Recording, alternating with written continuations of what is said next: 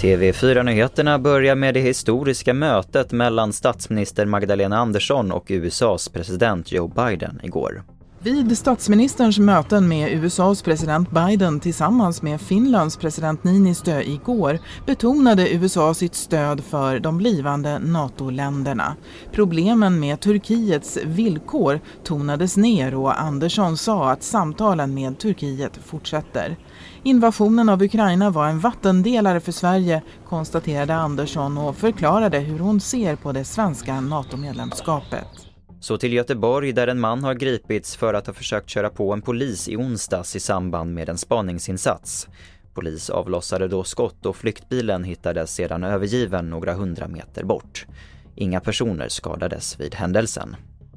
Och vi avslutar med att igår var det Grammisgala och störst vinnare blev kanske Miriam Bryant som vann både årets album och årets låt. Det blev också känslosamt när den ihjälskjutna rapparen Einars flickvän Alexandra Torgrip höll tal. Ikväll vill jag hedra alla själar som vi har förlorat till detta hemska våld. Och jag vill hedra fantastiska Nils. Nils e. Kurt Erik Einar Grönberg. Vila i frid min älskade. Och det var det senaste från TV4 Nyheterna i studion Albert Hjalmers.